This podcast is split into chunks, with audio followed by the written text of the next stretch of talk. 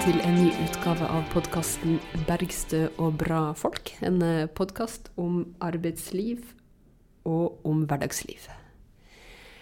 Jeg heter Kirsti Bergstø, nestleder i SV, og jeg er veldig glad for at jeg i dag har med meg sjølveste Ingunn Gjerstad, eh, leder i LO i Oslo. Jeg må jo si velkommen hit, Ingunn. Tusen takk. Kjekt å få komme her. Det har jeg egentlig venta litt på. har du det? Ja. Så hyggelig. Uh, jeg bare lurer på, Kan ikke du si litt grann, uh, om deg sjøl først, uh, før du skal få fortelle alle hva LO i Oslo er for noe? Jeg eh, er 56 år, har bodd i Oslo i de 20 siste årene. Før det så bodde jeg i Bergen og på landsbygda utafor der. Jeg har fagbrev som resepsjonist og har bak meg mange aktive år i yrkeslivet i veldig spennende reiselivet. Og så har jeg jobba i en del organisasjoner og hatt massevis av tillitsverv der jeg liksom jobber med å organisere folk sånn at vi skal bli sterkere på arbeidsplassene. Mm. Jeg har en sønn som bor i Bergen nå og studerer til å bli lærer, som jeg er veldig stolt av. Martin heter han. Så hyggelig. Martin er organisert? Han er selvfølgelig organisert. Han er faktisk dobbelt organisert. Sånn er det når man er sønn av lederen i LO i Oslo. Da må man være dobbeltorganisert. Ja. Det betyr at han er medlem i to fagforeninger? Han ble innmeldt i Skoles landsforbund av meg, da, og så ble han hanka inn av Utdanningsforbundet og pedagogstudentene, der han har vært aktiv og engasjert. Så man kan det, altså? Være dobbeltorganisert? Ja, det er ikke noe lov mot det. Jeg tror jeg har vært det sjøl. Var medlem i FO da jeg var student, og så var jeg med i Fagforbundet når jeg jobba. Ja, det handler litt om hvilket tilbud man får. Han opplevde at han fikk et bedre tilbud gjennom Utdanningsforbundet til å engasjere seg, og ikke bare være passivt medlem. Da. Mm. Ja, nettopp. Og det vil vi ha. Vi vil jo ha aktive, aktive folk. Vi må ha det, vet du. men, men, LO i Oslo, kan du forklare folk hva det er for noe? Fordi mange vet jo at man har ulike forbund, og så har, man, så har jo LO distriktskontor rundt omkring i landet. Men LO i Oslo er jo noe helt annet. Hvis vi begynner med LO, da, så består jo LO Landsorganisasjonen, som det heter på gule sider. Det består jo av de ulike forbundene. Så det er en sånn sentral enhet. Og så på bakken, da, der vi er, så heter det i gamle dager Samorganisasjonen. Den faglige samorganisasjonen. Og det var jo de ulike fagforeningene med de ulike yrkesgruppene i byer og på tettsteder som samler seg om en del sånn felles ting. Bl.a. om å feire og markere 1. mai, og om å, å, ha en del felles skoleringstiltak og sånne ting. Så vi er jo en, en lokal organisasjon av LO sine 94 for tiden lokale organisasjoner. Veldig, veldig viktig at man står liksom sammen rundt om i by og bygd. For det er jo mye ting som er felles, da. Mm. Hva er det dere jobber spesielt med nå om dagen? Akkurat nå om dagen så uh, har vi jobba en del med dette med bompenger og miljø- og klimagreiene. Sant? At vi, lever i Oslo, som er en sånn europeisk miljøby. Og der vi holder på å legge om måten vi reiser på og sånt. Så det jobber vi litt med i forhold til folkeopplysning og sånt om det. Og så jobber vi en del om, med valgkampen generelt, og vi jobber mye med næringspolitikk. Det å kunne beholde arbeidsplasser også i byen. At ikke det bare skal være boliger i byen og alle arbeidsplassene flytter utover fylkesgrensen og sånt. Så jobber vi med kultur og internasjonal solidaritet. Og vi jobber med arbeidsvilkår generelt. Vi har masse demonstrasjoner mot f.eks. løsarbeid, bemanningsbransjen, sånne ting. Så foreningene våre er opptatt av, fordi at de vil jo ha et ordentlig arbeidsliv der folk kan være trygge. Mm. Det er jo et veldig bredt bredt nedslagsfelt. Men det er jo det som er så fint, at når vi har så mange yrkesgrupper hos oss, og de kommer sammen, så blir det jo så bredt og bra. Fordi at da får man jo folk som har ekspertise på alle slags ting. Sant? Og når de da blir møtt av andre som har andre typer ekspertise, så bygger vi jo fram en politikk som er våre selvstendige krav Mm. om hvordan arbeidsfolk vil ha det. Så vi bruker mye tid på det. Politikkutvikling. Gjør dere det spesielt eh, i forhold til valgkampen nå? Så at dere holder på å jobbe med, jobbe med valgkampen. På, på hvilken måte dere eh, gjør det nå? Ja, Da jobber vi med det fra året før det er valgkamp. Så la oss si at når det er kommunevalg, så begynner vi sånn i april året før. Og så samler vi arbeidsgrupper gjennom våre foreninger. sant? Vi har altså en vel 100 foreninger med til sammen 100 000 medlemmer i. Så sender vi ut skriv og spør om hvem har lyst til å jobbe med arbeidsgruppe på boligpolitikk, hvem vil jobbe i forhold til profitt i velferden og rekommunalisering, og hvem vil jobbe med arbeidsvilkår og få kortere arbeidsdag og sånt. Og så sender folk inn navn, og så setter vi oss sammen og diskuterer gjennom de store og de små samfunnsspørsmåla. Alt fra eierskap og styring av offentlig sektor, arbeidsgiverpolitikk. Mm. Det er kjempeviktig. Hvem er det som til slutt bestemmer hvordan det blir? da? Hvordan strategien blir? Da blir det repskapet vårt uh, i LO i Oslo som samles uh, ca. én gang i måneden. Og så etter at arbeidsgruppen har lagt frem sitt, så legger styret en innstilling. Og så kommer man, uh, man sammen og blir enige om, om, de kravene som vi reiser. Mm. Og da er alle klare for valgkamp? Da blir vi klare, vet du. Sant? Da vet vi hva vi har. Og har vi, det som er litt fint, er at vi er liksom selvstendige på tvers av ulike partier. da. Selv om vi ofte ender Eller vi ender jo for så vidt alltid på, i den tid jeg kan huske, å stemme Si til folk at vi vil at de skal stemme på et sett med partier eh, som vi er mer enig med enn andre. Så er det aldri bare ett parti, da. Men det er de som er mest enig med våre krav. Mm, for da fremmer dere krav, og så skal partiene uh, svare på om de vil innfri dem eller ikke, ved bakgrunn i medlemmene sine interesser. Absolutt. Mm. Så det er interessepolitikk, mm. dypest sett. Mm. Og det er jo ikke alle som har den samme interessen. sant? Mm. Mens arbeidsfolk på tvers av yrket har jo veldig ofte sammenfallende interesser på viktige områder som må være i orden for at man skal kunne både bo og arbeide. Mm. Og det er jo ofte noe som ramler litt ut av den politiske debatten. Um, mm. Fordi eh, politikk det fremstilles jo ofte som at uh, alle vil samme sted. Det er bare et spørsmål om gode løsninger og, og sånt. Og så uh, kommer det ikke alltid så godt frem at det er jo grunnleggende ulike interesser ut ifra ja, om du er eh, Om du jobber, eller om du eier, eller er på styrer og er på Eh, på et, en helt annen plass, både økonomisk og i, eh, i forhold til arbeidslivet. Ja. Vi har jo f.eks. veldig ulike interesser også mellom de som eier bolig som de har kjøpt for lenge siden for en rimelig penge, og de som ikke er kommet inn på boligmarkedet. Sant? Så du kan si at også innimellom så er det litt ulike interesser i vår, våre grupper òg, da. Mm. Men i all hovedsak så er jo vi samla om, om det meste. Og så er det andre som har andre interesser, som kanskje forsøker å splitte oss ofte, da. Ja, Hva tenker du på da? Nei, jeg tenker jo at det er en grunnleggende motsetning mellom arbeid og, og kapital. Sant? At eh, hvis man driver en eh, virksomhet og stadig vekk har eh, krav til høyere avkastning fra de pengene man har investert i den virksomheten, så vil man jo ha andre interesser enn at de ansatte skal være med og dele overskuddet, liksom. Mm. Og ofte så er det jo eh, litt lite tilbud om etter- og videreutdanning, og lite tilbud om eh, lokale forhandlinger og sånt til, i de selskapene som har de største kravene til profitt. Og det er jo en dum interessemotsetning. Jeg mener jo, og mange med meg, at eh, hvis arbeidsfolk blir tatt alvorlig og tatt veldig med på laget, så vil jo de fleste være med å øke omsetningen og øke produksjonen og øke profitten. Og så vil man da kunne cashe ut en viss uh, deling ut av det. Mm. Det er bedre enn at eierne skal ha 20-25 Høres nesten ut som et lite forsvar for uh, den norske modellen. Det er jo sånn den norske modellen har vært. Mm. Men den er jo litt under angrep nå, da. For det at uh, vi er ikke så godt organisert som vi var før. Mm. når du sier at den er under angrep, er det du tenker på da?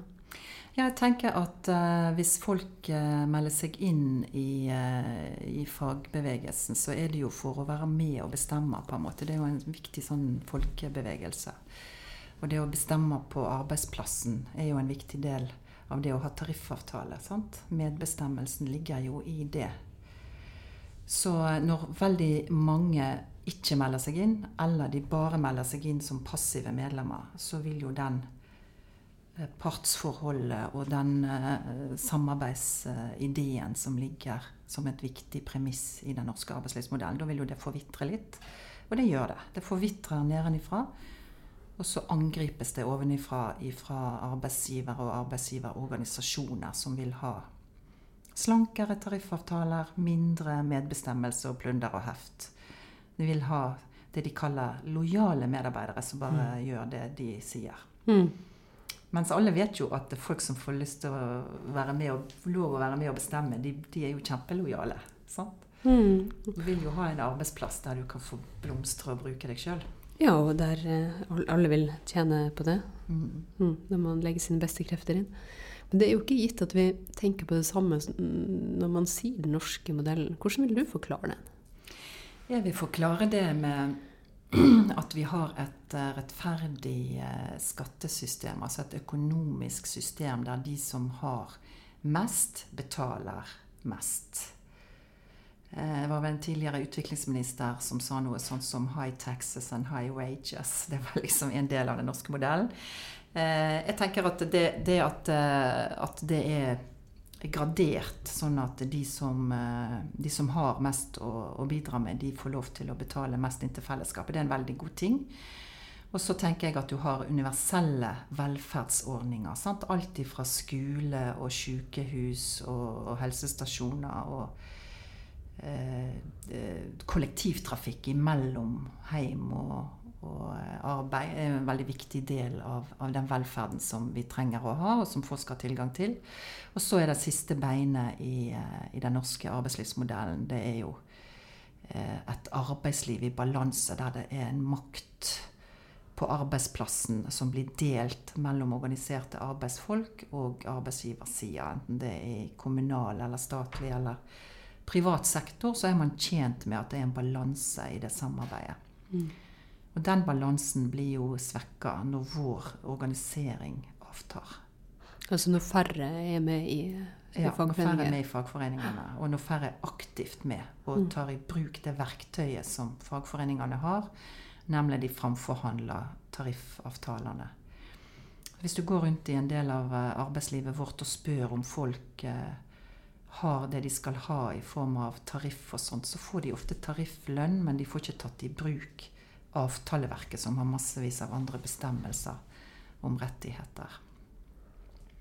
Fordi at man står for svakt på arbeidsplassen? Ja, og fordi at man gjerne ikke klarer å komme seg på kurs, eller at man ikke slår opp i disse bøkene. Man, kan, man har kanskje ikke tariffavtale inngått heller, men man tror at man har tariffavtale fordi man får tarifflønn. Mm.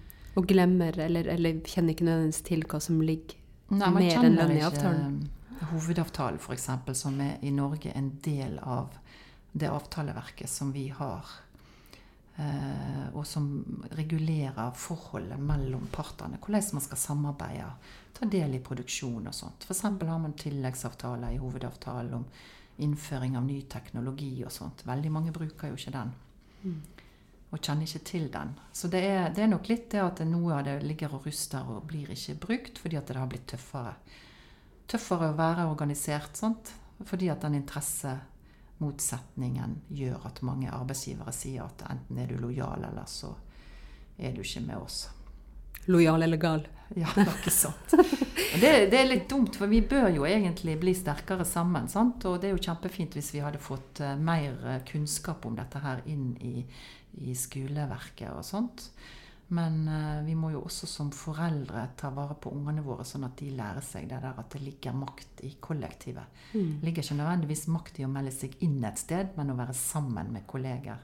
Sammen i en forening og si hvordan har du lyst til å, å delta Og bruke kompetansen og arbeidskrafta di til beste for fellesskapet. Det er jo der nøkkelen ligger, da. Mm. Og det potensialet for uh, kampkraft og fellesskap ligger? Ja, det vil jeg absolutt si. Og mange steder får de det jo ganske godt til. Mm. Men da må man jo ha folk som utløser den, det engasjementet. Ja, og jobbe med det som utgangspunkt. Mm. Men vi må jo kunne eh, trygt konstatere at den norske modellen eh, er under angrep. Altså Man hører jo ofte at den snakkes eh, at den, snakkes, at den norske modellen snakkes om som nærmest en sånn eksportvare eh, i festtaler eh, fra både høyre- og venstresida i politikken. Så snakker man varmt om den norske modellen. Og så glemmer man at det, at det er både gitte forutsetninger, historiske forutsetninger som ligger til grunn, og også den maktbalansen. Hva, hva er det du tenk, tenker at det er liksom den største trusselen mot den norske modellen nå? Du nevner det med at det er organiseringsgraden og, og uh, tillitsvalgte sin stilling på arbeidsplassen kanskje ikke er, er, er, sterk nok. Men vi ser jo press fra alle kanter, da.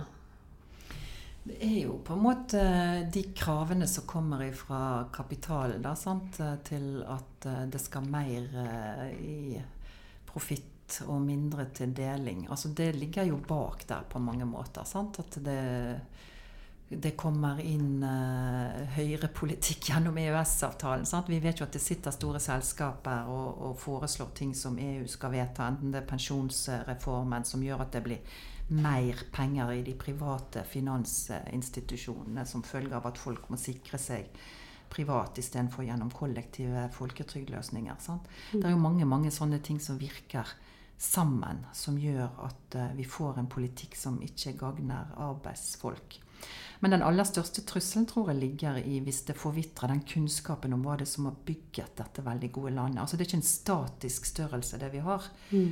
Uh, den ligger veldig i stabilt sideleie, pleier jeg å si, den norske modellen. Fordi at det er så mange som tror at den er der uansett hva de gjør. Men den må brukes. Mm.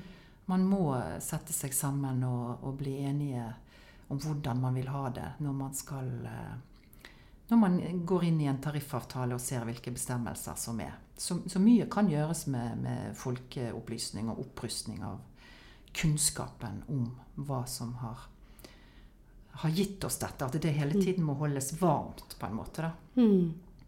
Og folk må ikke være redde. Altså, den tryggheten som ligger i å ha en fast stilling, den er jo mye lettere å ta med seg når du skal bli en tillitsvalgt, eller om du bare er innom på jobben på en deltidsstilling og litt sånn at blir tildelt vakter i ny og ne. Så det å, å, holde på med et sånt løsarbeidersystem, eh, det er jo med på å, å drepe den norske modellen. Sant? For folk som blir utrygge, de tør jo ikke å kreve noe. Mm.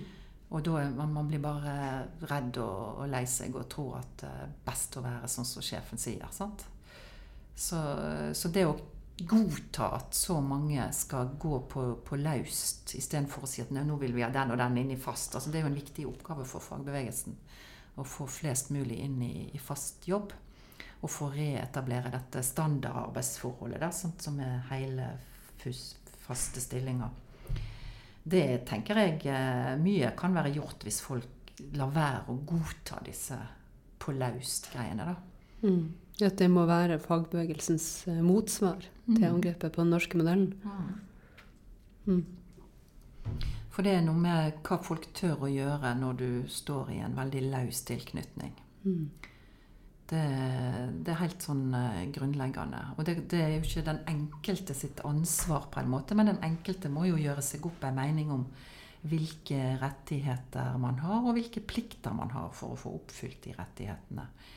Så jeg, jeg, er kanskje litt sånn gammeldags, men jeg tenker at når man går inn i en sånn fellesskap som fagbevegelsen er, så er det jo for å gjøre noe som er bra for fellesskapet, og ikke bare mm. sikre sin egen eh, økonomi, på en måte. Ja, og da tenker du på sånn lønn og forsikringer og sånt? Ja. ja. Jeg selger ikke forsikringer når jeg organiserer. Det går veldig fint an ellers. og selvforsikringer? Nei, det går fint an å, å få folk til ja, det går fint å bli De aller fleste er jo ikke organisert fordi at de er ikke spurt. Nå har jo LO nettopp levert regnskap på et sånt kjempefint prosjekt som de har hatt i servicebransjen. Jeg kjenner jo servicenæringene ganske godt som tillitsvalgt gjennom handel og kontor i ei årrekke og i, i hotell og restaurant. Mm.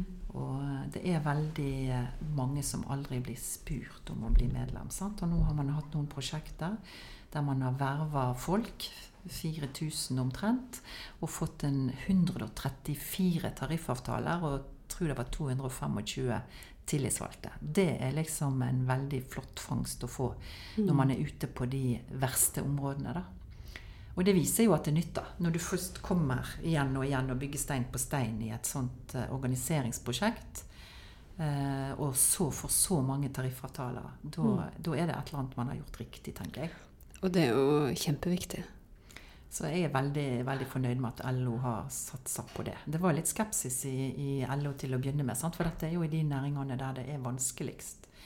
Men det viser seg at det funker, så det er jo bare å køle på. At det er vanskeligst å organisere folk. Ja. Men hva tror du det handler om? At det er vanskeligst der? Nei, Det er nettopp den utryggheten mange har uh, ut ifra stillingstypen. At den er løs, og at man ikke vil gjøre noe som skiller seg ut. Man har ikke fast jobb og kanskje ikke Mm. full stilling. og... Man skal bare være der en liten stund, er det jo Mm. mange som sier i Mm. den type næringer. Sant? Det er dårlig betalt. Det er litt, eh, litt viktig eh, å tenke over at selv om du bare er der en stund, så er det Mm. greit at det er ålreit der, da. Sant? Det er jo det, og eh, om du bare skal være en stund, så er det jo andre som skal være der videre. Um, det er jo eh, også et eh, perspektiv. Jeg bruker jo å snakke med eh, folk når jeg er ute. Hvis, hvis jeg er ute på pub f.eks., eller har tatt en matbit, så er jo det ofte en del av samtalen jeg har med de som jobber der. Om de er organisert, og om de har tariffavtale.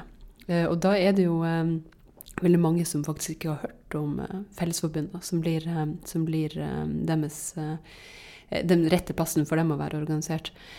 Og det er jo eh, skremmende. Ja, det er tankevekkende. Eh, er det, er, det er det. Hvor mange som ikke har hørt om det. Og så uh, sier man hvorfor det er viktig å være med der, og, og at man har noen grunnleggende rettigheter, og hva, eh, hva man kan oppnå med tariffavtale. Og da er det jo veldig mange som sier sånn Nei, men uh, sjefen sier at vi, vi følger tariff. det er nettopp det. Ja. Og det kan man jo som oftest trygt uh, konstatere at ikke er tilfellet, med mindre man faktisk har en stødig tariffavtale. Det er jo veldig sjelden at de betaler ut tillegg for ubekvem arbeidstid, f.eks. Ja. Så, så det med lønn er jo en viktig, men egentlig veldig liten del av den pakka som det er å være ordentlig organisert med det verktøyet som ligger i avtaleverket. Når du sier ordentlig organisert, så mener du Med, med tariffavtale, mm, inkludert hovedavtalen som regulerer medbestemmelse og samarbeidsforholdene. mm. Men jeg har aldri, og det her har jeg holdt på med siden jeg kunne drikke øl, ikke sant? Eh, lovlig. Eh, eh, men det har aldri opplevd en negativ reaksjon. Ikke sant? Fordi når folk skjønner at det spørsmålet om å være med i et fellesskap som vil jobbe for deres interesser, for deres sak og for arbeidsforholdene deres, det er det ingen som tar ille opp. Eh, Så det å, å oppfordre folk til å være med i fagforeninger, det er jo veldig, veldig viktig. Ja, det er jo helt grunnleggende i mennesket sitt vesen, helt ifra vi vandra rundt i flokk og prøvde å leve av ville dyr og sånt. Sant? Altså at man på en måte er i flokken sin, da. Og, og forsøke å dele på det man, eh, man har. Så jeg, jeg eh, har heller ikke møtt noen som blir negative til den ideen. Mm. Da er liksom mm, Trusselen mot den norske modellen, organiseringsgraden, det er, det er liksom en av de virkelig store utfordringene i, i arbeidslivet og samfunnslivet egentlig eh, i dag. Da. Men hva, hva mer tenker du at det, at det er viktig at vi klarer å gripe fatt i som, som, eh, som arbeiderbevegelse ut fra de, de, eh, de utfordringene som vi står overfor i, i arbeidslivet nå? Jeg tenker jo at uh, måten vi arbeider på er viktig. Måten vi reiser på, måten vi bor på. Altså, uh, jeg tenker jo på klimautfordringen, sant? Ja. Eller klimakrisa, da.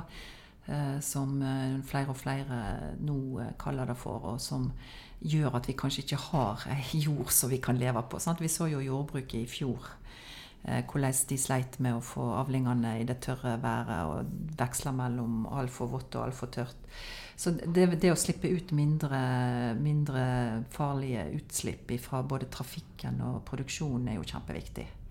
Så vi må jo ta liksom det steget inn i en, en fornybar alder, der vi ikke eh, ødelegger eh, jorda vår. Så jeg tenker at for arbeidsfolk og, og det organiserte arbeidsliv, så er jo alt det som skjer med, med grønt skifte og omstilling, det er jo en videreføring av den krafta som vi har hatt i norsk arbeidsliv. Det er jo Mm. ingen som har vært så flinke til å omstille seg som folkene som jobber i industrien, f.eks. Altså, vi har jo den eh, reneste teknologien. Altså, det har vært oppfinnelser på oppfinnelser på arbeidsplassene for å få ting til. Så nå må vi liksom ta steget vekk ifra å, å produsere ting som eh, på sikt ødelegge kloden vår. Sant? Vi kan ikke produsere all den eh, petroleumen som vi vet finnes eh, under sokkelen, f.eks. Men vi kan heller ikke si at vi skal stenge all produksjon klokka 12 den 31.12. et eller annet år. Mm. Så vi må skynde oss litt, sånn litt langsomt over i en, eh, en ny måte å tenke industri og arbeid på. Og der er jo flere initiativ som jeg vet at du har vært involvert i, bl.a. Broen til fremtiden. Mm. Det er jo kjempegøy, sant? for det handler jo om at miljøbevegelsen og ulike deler av fagbevegelsen sammen med kirka og vitenskapsfolk eh, har satt seg sammen og liksom begynt å bli kjent med hverandre. Og vi har jo i fem-seks år fra LO i Oslo sin side jobba med dette her. Og det er jo kjempegøy når eh, miljøbevegelsen også blir opptatt av våre røde krav i tillegg til sine grønne krav. Og det er jo ikke noe selvsagt ting for hele miljøbevegelsen å skjønne at den omstillingen som vi skal ha, må skje på en rettferdig måte. Uten stor arbeidsløshet og utrygghet blant folk. Men det har vi fått til gjennom at man sitter sammen og arbeider sammen og passer på det ene og det andre. Og nettopp det med den norske modellen, den samarbeidsmodellen, må jo de også lære seg. Mm. Så- man oppdager at man har et, eh, et bredere kanskje interessefellesskap når man først samles på den måten. Jeg tenker det, altså All min erfaring tilsier at sånne grupper som er ulike, kommer frem til mye bedre ting enn om det bare er en liten gjeng som har den samme oppfatningen fra før. Så, eh, så det er et veldig spennende lerret å bleke. da, så Det tar jo tid å finne ut av disse tingene. Men vi jobber jo i bl.a. flere av disse lokale organisasjonene som LO har nå, i og med at de òg er ganske breie gjenger. Der, sant? Der sitter noen folk som er medlem i Naturvernforbundet på fritida, og noen eh, som er kirkegjengere. Sant? Så man har jo avarter av denne her treenigheten. tre- eh, og, og kvartetten rundt omkring i, i andre steder. Mm. Og det er blitt, eh, jeg er veldig glad for å se at det arbeidet nå eh, virker og har kommet i gang flere plasser. Mm. Så det, det tenker jeg er en stor ting å, å ta tak i. Og det må vi få orden på eh, veldig mange mer konkrete eh, politikkuttalelser på, eller krav på, til eh, stortingsvalget i 2021. Mm. For da må vi jo få en aktiv stat til å virke sammen med reguleringer som gir et veldig godt organisert arbeidsliv. Sånn at vi kan tørre at den norske omstillingsmåten med ja, innovasjon og, og, og ny eh, industrialisering ute på de enkelte bedrifter og næringer, at den kan fortsette Mm. Til dess eh, vi får eh, frem andre ting. Og da bør vi jo også eie infrastrukturen, sånn som NSB og Jernbaneverket og det som vi hadde før i tida, som nå blir solgt ut i biter, mer eller mindre. sant? Så vi, må jo på en måte få de tingene til å henge sammen igjen.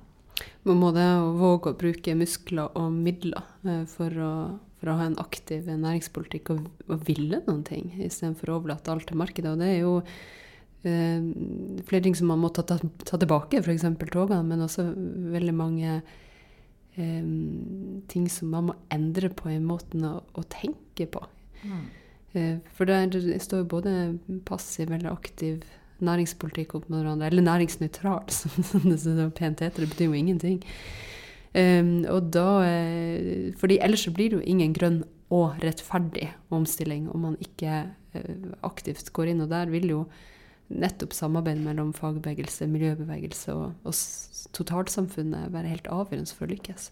Ja, og man må gjøre det, jeg tror man må løse det litt eh, lokalt. altså Man må ha noen virkemidler som man kommer fra sentralt. Sant? Så Vi er jo det landet i verden som kanskje har de største reservene på bok. har det nær sagt, sant? Og det er mye bedre å bruke deler av de til å understøtte noe som vi kan leve av i fremtida. For det er jo arbeidsfolk sitt eh, aktive deltakelse i å produsere ting som er den største formuen vår. At vi har så stor grad av både kvinnfolk og mannfolk i arbeid. Og at de betaler skatt, og at det blir noe fellesskap ut av det. Eh, Så jeg mener jo at vi må bruke en del av oljeformuen vår til å investere. og, og legge til rette for at næringslivet tør å satse.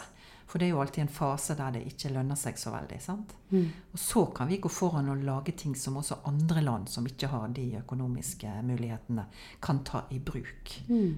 Eh, Og at vi kan bruke det som en del av eh, vår måte å, å yte rettferdighet på overfor fattige land. Men da må man jo også vri virkemidler og, og skattepolitikken. Ja. Mm. I hvert fall ikke gjøre det enda lettere å bli kjemperik. Mm. Og så tenker jeg jo at det er jo noe grunnleggende for, um, for sosialister. Det er jo at de det gjelder, eh, dem det angår, også skal være med Ja. på jobben, være med på å utforme det. Da har jeg jo av og til tenkt når jeg har sett programmene til f.eks. Broen, eh, Broen til fremtiden, eh, er det sånn at man tenker at de det gjelder innenfor eh, kanskje den bransjen som i aller størst grad eh, er gjenstand for diskusjon om omstilling og for petroleumssektorer. Opplever man at det er nok inn i de samtalene? Kanskje ikke nok, men eh, både Industri, Energi og Fellesforbundet og andre har jo vært eh, invitert og vært med på deler av programmene våre. Sånn at, eh, men det jeg tror, jeg tror at vi i enda større grad må komme lenger ned enn på sånn type stor nasjonal konferansenivå. Du vil ned på lokale Jeg vil ned på på lokalnivå. Så nå for ikke så lenge siden var jeg i Kristiansand, invitert av LO i Kristiansand og Naturvernforbundet og litt andre samarbeidspartnere der for å snakke om hvordan vi kunne ha en sånn lokal Broen eh, der. Og de ble veldig tent på ideen om det vi hadde gjort i Oslo, da. Mm. Så jeg tror eller at det, det handler jo litt om de eh, gitte forhold du har der. Sant? Hva slags næringsliv du har, hva slags transportutfordringer du har. Vi, har jo, altså vi var jo kjempegode på å lage båter i gamle dager på verftene på Vestlandet, der som jeg vokste opp. Så omstilte verftene seg til å lage boreplattformer og det som hører til oljeindustrien. Og mange steder har de nå gått tilbake til båter. sant? Og vi har laga ferjer og elferjer og alt mulig. Så det, det ligger jo ganske mye omstillingsevne der som Mm. kan utløses. Men jeg tror at for mange av de selskapene som fungerer på børsen, og som er litt sånn store, og sånt, så er det litt viktig at de har den tryggheten som gjør at de kan satse. Mm. Det må være en forutsigbarhet der. Ja. Altså, jeg vet jo, på industrien på Sørlandet så har det jo skjedd veldig mye i forhold til eh, miljø eh, gjennom flere år nå. Eh, Og jeg vet jo at også du er i styret til Industriaksjonen. Ja. Hva er det for en aksjon? Det er jo en aksjon som vil at vi skal bygge opp fastlandsindustrien vår. sant? Fordi det er greit at vi lever av mange forskjellige yrkesbetegnelser i dette landet her og, og gjør mye forskjellig, men det må være en sånn grunnkapasitet på at vi produserer en del egne ting. sant? For eksempel så drar jo vi i land utrolig mye fisk som blir sendt eh, over hele verden for å bli filetert. Problemet er den kommer ikke i land. Nei, problemet er at den blir dratt med båt eh, opp av havet, og så kjører den til Kina, og så kommer den kanskje tilbake igjen. sant? Så det, det, det jeg mener jo at vi må ta i bruk eh, hele det utrolig ressursrike råvarene som vi har, og så må vi lage arbeidsplasser på land. Og jeg syns også at vi har mange eksempler på at folk er villige til å betale for kvalitet. Der Det er mange som har lyst til å betale for fisk som har svømt eh, frie liv, sant? og ikke vært eh, oppdrett med de problemene som den eh, fører med seg. Eh, Så jeg, jeg tenker at det er, er en god del ting å gjøre der med å lage eh, egen næringsmiddelindustri, f.eks. Mm. Og det er mange flere ting vi kunne ha, ha gjort eh, på verftene våre. Sant? Som, eh, det, nå kom, kom jo tilbake mye av det som vi satte ut til billige land, fordi det var så mye feil på det. Og da kommer vi jo tilbake til den norske modellen å jobbe på. Mm. Det at fagarbeidere og andre arbeidere tør å si til eh, ingeniøren som har laget tegninger, at det der passer ikke helt, vi må gjøre sånn istedenfor. Mm. Og det tør man jo å si hvis man er fast ansatt og fagorganisert. Men hvis man er inne fra et eller annet bemanningsselskap og knapt forstår tegningene, så er det jo større sjanse for at man gjør feil. Mm. Så igjen så koker mye ned til eh, at du har et greit arbeidsforhold. Der du tør å bruke kompetansen din. Og det er jo en av de virkelig store fortrinnene vi har i Norge. Det er jo dyktige fagarbeidere. Eh, selvfølgelig kraft, eh, men også den eh, tilliten som har prega arbeidslivet, i hvert fall. Og som gjør at vi kan bidra med det vi kan. Mm. Men som jo trues av innleie og løsarbeid over lav sko. Ja, Det dumme med det er jo òg at når man driver og leier inn folk og fører opp det ikke som arbeidskraft og utgifter til, til lønn og sånt, men man fører det opp som tjenester, så forsvinner jo egentlig den eh, økonomiske oversikten som viser at dette er egentlig dyrere. Mm. sant? Men man gjør det fordi at man skal slippe det ansvaret det er å ha folk fast ansatt. At du tenker på at, eh, at det ikke Det er jo egentlig ikke sikt? nødvendigvis noe å spare på det på noe som helst måte. I forhold til bruk av innleie, tenker du nå? Mm, ja. Men man gjør det allikevel. Og det er egentlig helt uforståelig hvor langt man er villig til å gå. Men det, noe av det er vel kanskje at man ikke får tak i folk fordi at man ikke ønsker å, å være forpliktet til å tilby og lære opp folk og sånne ting. Men heldigvis er det jo en litt bevegelse på det nå. Jeg syns det virker som det er mange flere som sier at dette med å være så avhengig av bemanningsselskaper, det er kanskje ikke veien å gå. Nei, og er det jo interessant å høre de som forteller om nettopp at det lønner seg å gjøre det em, annerledes, og heller leie inn mellom produksjonsbedrifter. Besøkte sjøl et sånt um, et selskap, en arbeidsplass eh, på Vestlandet, eh, som har den erfaringa at de, eh, hvis de har lite oppdrag, ja, så leier man heller inn eh, mellom produksjonsbedrifter istedenfor for uh, bruk av innleie. Og det de opplever da, er jo at de får beholde dyktige fagfolk. Jobben gjøres ordentlig, det er kvalitet. Men de konkurrerer jo likevel eh, om å få oppdrag med andre som kanskje bare har én sjef, og som har eh, resten av innleie. Og, og når du konkurrerer, så er det jo prisen som, som avgjør om du får anbud. Så jeg tenker det er jo også viktig at man, i hvert fall fra det offentlige og det vi kan styre, eh, våger å og har ha veldig klare krav og kriterier. Og der har vi jo ulike modeller for det. Oslo-modellen, Telemarksmodellen. Og der vil jeg jo tro at eh, eh, at de modellene der, for at de skal både virke og fungere og være tilpassa lokale forhold, så er det jo avgjørende at, at fagbevegelsen er med på å utforme dem. Det er jo helt riktig, og det har jo vi og våre fagforeninger vært veldig aktivt involvert i. Eh, Vi er også aktivt involvert i å forsøke å følge opp at det fungerer. Og dessverre så er det jo ikke alle steder at det fungerer like godt dette med offentlige innkjøp. Nå var vi nettopp ute og protesterte utenfor Statsbygg sin eh, bygging av nye sånn campusleiligheter til studentene ute på Ås. Eh, ironisk nok på det universitetet i Norge som skal lære folk å ta oss inn i en bærekraftig framtid på mange felt. sant? De utdanner jo folk som skal jobbe med ting i det Mm. grønne skiftet, blant annet. Eh, Så jeg eh, Der er det, var det mye ulovlighet der ute og gikk, og fagbevegelsen eh, orker ikke se på det lenger, så vi tok en, en, en fight og viste oss frem litt der ute. Men, men det er klart at innkjøpsmakta, både fra kommune og stat, er helt grunnleggende. Men det ulovlig innleie det var snakk om der, da. Det var ulovlig, ja. Har jo, vi har jo foreslått, eh, eller jeg har foreslått eh, satt på Stortinget å gjøre eh, den Telemarksmodellen nasjonal. Og da ville vil jo ikke ville jo det vært mye strengere hvis man hadde helt, helt tydelige krav på hva som skulle være på plass før man fikk lov til å, å være med på å konkurrere om, om offentlige oppdrag. Men mange plasser så virker det jo òg. Mange plasser virker det. Mm. Og det, det, det blir jo bedre og bedre etter hvert som man får blest om det. Da, sant? Mm. Men man må jo sette ned foten, og der må jo både lokalpolitikere og andre politikere, i tillegg til at folk må være bevisste når de sjøl handler ting. Sant? At ikke ting skal bare alltid være billigst mulig, men at det skal være kvalitet over det. Men akkurat det der syns jeg er litt vanskelig. For jeg bare må innrømme at jeg er veldig sånn teoretisk enig med deg. At man må vite at det er kvalitet, og at det er ordentlig. Men så er det nå sånn at når man kommer på butikken med lavt blodsukker og en like utålmodig unge, så rasker man jo med seg det første man ser. Og så er jo butikken innreda sånn at, man, at den spiller på vår svake vilje. ja, ja, ja. Ikke sant? Så når du kommer til kassa og er helt nedslitt av manglende viljestyrke, så kaster du over sjokoladen i tillegg til alt det andre du ikke aner hva, hvor er produsert. Så, da tenker jeg at da må man jo først og fremst em, sørge for at eh, eh, at det er mulig og lett å ta, eh, ta gode avgjørelser i hverdagen. Ja.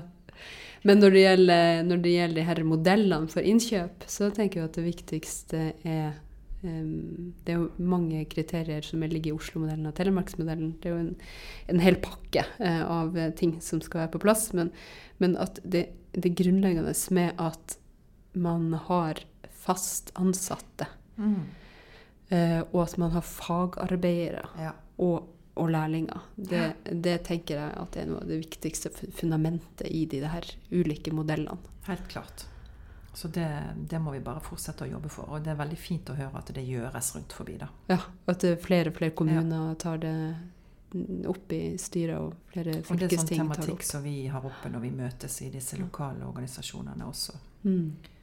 Organisasjonskonferansen til LO nå sist, annet. Sånn at det er, det er det er en vei å gå, sant? Men, mm. Eh, men, man må lære av hverandre, lære av egne erfaringer. Og så eh, får man brettet ut og overbevist om at dette er framtida. Mm. Så kan det jo hende at sånne type eh, modeller er med på å styrke fagbevegelsen sin kraft lokalt. For vi vet jo at ting som fungerer på papiret, vil jo ikke fungere i praksis hvis ikke man har trygge tilsvarte til å være med og følge det opp og se at det er ikke ord på et papir, men at det er virkelighet. Veldig veldig viktig, akkurat det du sier der. Sant? Og det er jo sånn med at Vi kan jo ha de verdens beste arbeidsmiljølovgivning, sånn som vi hadde en stakket stund da. Eh, og på mange måter er den jo bra fremdeles, men eh, Sett, sett Ikke mot oss sjøl, men mot verden. Ja. ja.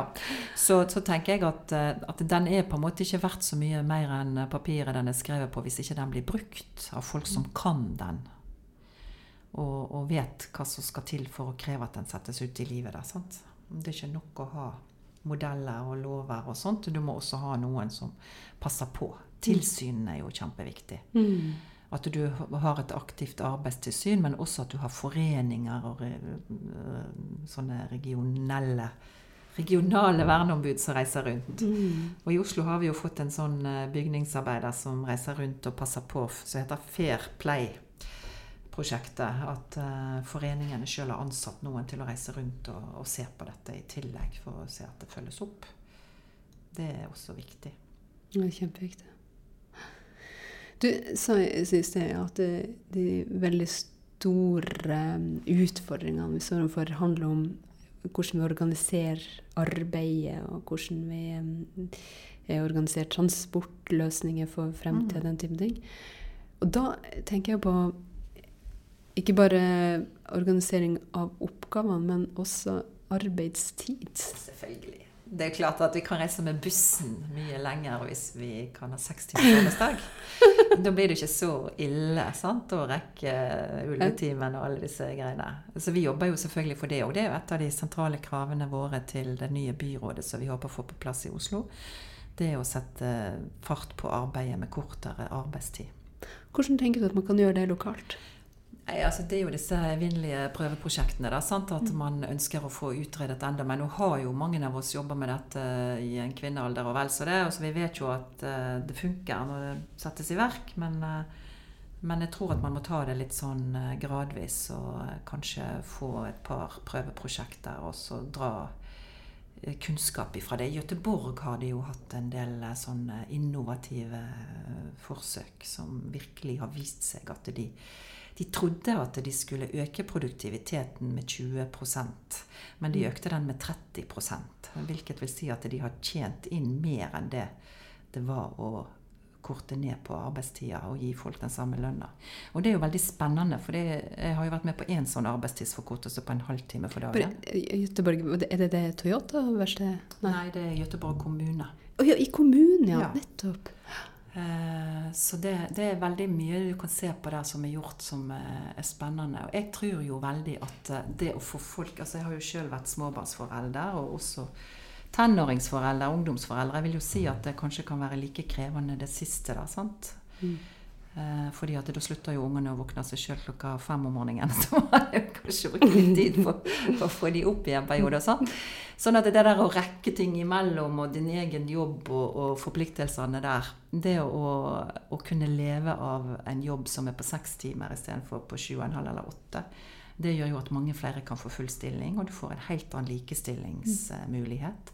Helt annen mulighet til å delta i eh, folkestyret vårt og være aktiv i forening og lokal eh, politikk og idrett og alt mulig. Så det må vi, det må vi få til. Sa du at du sjøl har vært med på et sånt uh, prosjekt? Nei, jeg har vært med på å være mor til en, uh, en unge. Men jeg var med på å, å få en arbeidstidsforkortelse i 1987. Ja. Jeg begynte jo å, å, jobbe fulltid i 1982, og når jeg var i hotell og restaurant da, så fikk vi en halvtimes kortere arbeidstid. Det merka du? Som følge av en streik i 1986. Vi merka det, ja. Mm. Uh, og jeg har lest en del sånne artikler som viser at uh, alle sånne arbeidstidsnedsettelser har gjort at folk har blitt mer produktive. Og vi er jo allerede ganske produktive i Norge. Mm. Så jeg tror at, at, det å ta det en halvtime om gangen i tariffoppgjørene, og at vi får en liksom sånn erkjennelse av at du også må dele på arbeid etter hvert mm. så du mm. får en digitalisering og teknologisk utvikling som også gjør at produktiviteten øker. Sant? Og mm. da kan folk eh, dele på det arbeidet som igjen, og ha et bedre liv og mm. vare mm. lenger. Ja, for vi trenger jo absolutt en mer rettferdig fordeling av arbeid og fritid. Mm. Det er en av de store kampene, tenker jeg, for uh, arbeiderbevegelsen fremover. Å løfte mm. opp det. Altså det, det er de tingene, blant de tingene vi holder frem i, i Oslo som men, nå satser på. For, men det er jo på en måte to eller ulike veier da, til redusert arbeidstid og til um, med sekstimersdag som, som sikte. For da sier du at man kan ta en halvtime i tariffoppgjørene, men likevel uh, ha, ha lokale um, Innføre det lokalt. Ja, fordi at uh, i Oslo så er jo eh, vår drøm at vi får et rød-grønt byråd som da vil bli en arbeidsgiver etter vårt skjønn. Sant? Fordi at da er det jo politikerne som er arbeidsgiver, og ikke den private kapitalen. på en måte. Og Da tenker jeg at eh, da vil man kunne hjelpe til at dette skal skje i hele arbeidslivet, hvis man viser noen sånne aktive forsøk. At flere får erfaring med det, og ja. dermed er med på å bringe kravet videre og presse det frem? Ja, jeg tenker det. For i dag så er det vel på Tine Heimdal Mm. Eh, de har gjort det. Og eh, jeg tror jeg blanda litt i sted når jeg sa at dette med å få ned eh, arbeidstida ga en økt produktivitet på 30% istedenfor 20 sånn som bestillinga var. på en måte. Mm. Jeg tror det var på, i Heimdal og ikke i Sverige. Men, men, uansett så viser det seg at hvis folk ser at dette virker, så er det lettere for at flere kan gjøre det. Derfor vil jeg at Oslo, som den største arbeidsgiveren eh, i landet, skal ha sånne prosjekter. Mm. Så det vil vi prøve å få inn i, i byrådserklæringa, da. Spennende. Ja! ja jeg må innrømme at det eh, heier på det. ja, for nå har vi tatt ganske mange sånne ting som handler om ungene våre. sant? Og barnehager og aktivitetsskole og Altså at dere har krevd det? Ja, det Eller at Oslo har, har gjort det? i forkant i 2015. Mm. da, sant? Og hatt et flertall som har jobba i lag med dere ja. for, mm. for de krevende. Ja. Og da er det tid for arbeidstidsreduksjoner. Ja. Ja, Men når det gjelder produktivitet, og sånn, så er det liksom vanskelig å måle i offentlig sektor. Eh, til en viss grad? Da. Ja, det kan være. Men jeg tror at man må jo se det Man må jo bruke litt ulike kriterier og mm. se hvordan folk har det. Kanskje bruke litt mer skjønn og ikke bare måle på sånn type sykefravær og den type ting. Mm. Da, som, sånn som man ofte gjør. Så jeg tror man må se på livskvalitet. Man må snakke mer om innholdet i livet, hvordan folk har det med hverandre og seg sjøl. Og det er jo helt soleklart at når du bruker mindre krefter på det der stresset med å komme deg til å være nok på jobb mm. og rekke hjem og tilbake, så, så, så, vil du få litt mer overskudd til andre ting. Mm. Som eh, at det blir mer meningsfylt eh, liv totalt sett. da.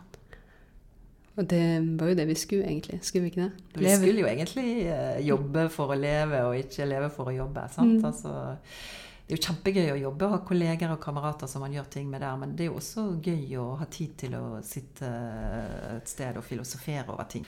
Eller lese en god bok og dikt og sånt. sånt. Mm. Jeg skulle gjerne hatt mer tid til å lese bøker. Til å lese bøker, ja. Ja, ja jeg tenker det er um, Tid er et gode. Og det er jo det kanskje de fleste skulle ønske at de hadde mer av. Mm. Men da må vi kreve det. Jeg må hoste noe sinnssykt.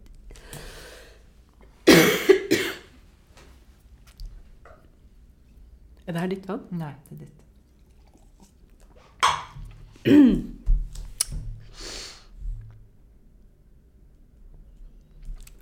Du, Ingunn. Vi har et fast eh, spørsmål som vi stiller alle våre gjester. Og nå er jeg veldig spent, fordi at du har jo en veldig lang, lang erfaring fra forskjellige ting i yrkeslivet. Hva var din aller første jobb? Altså, den aller første jobben min, det var de to somrene der jeg eh, jobba på matstova i Os hos onkel Mikkel. Og solgte kjøttkaker og hamburgere om en annen eh, to måneder hver sommer og tjente mine ordentlige lønninger, liksom. Før det hadde det bare vært sånn blomstersalg og barnepass og litt sånne ting.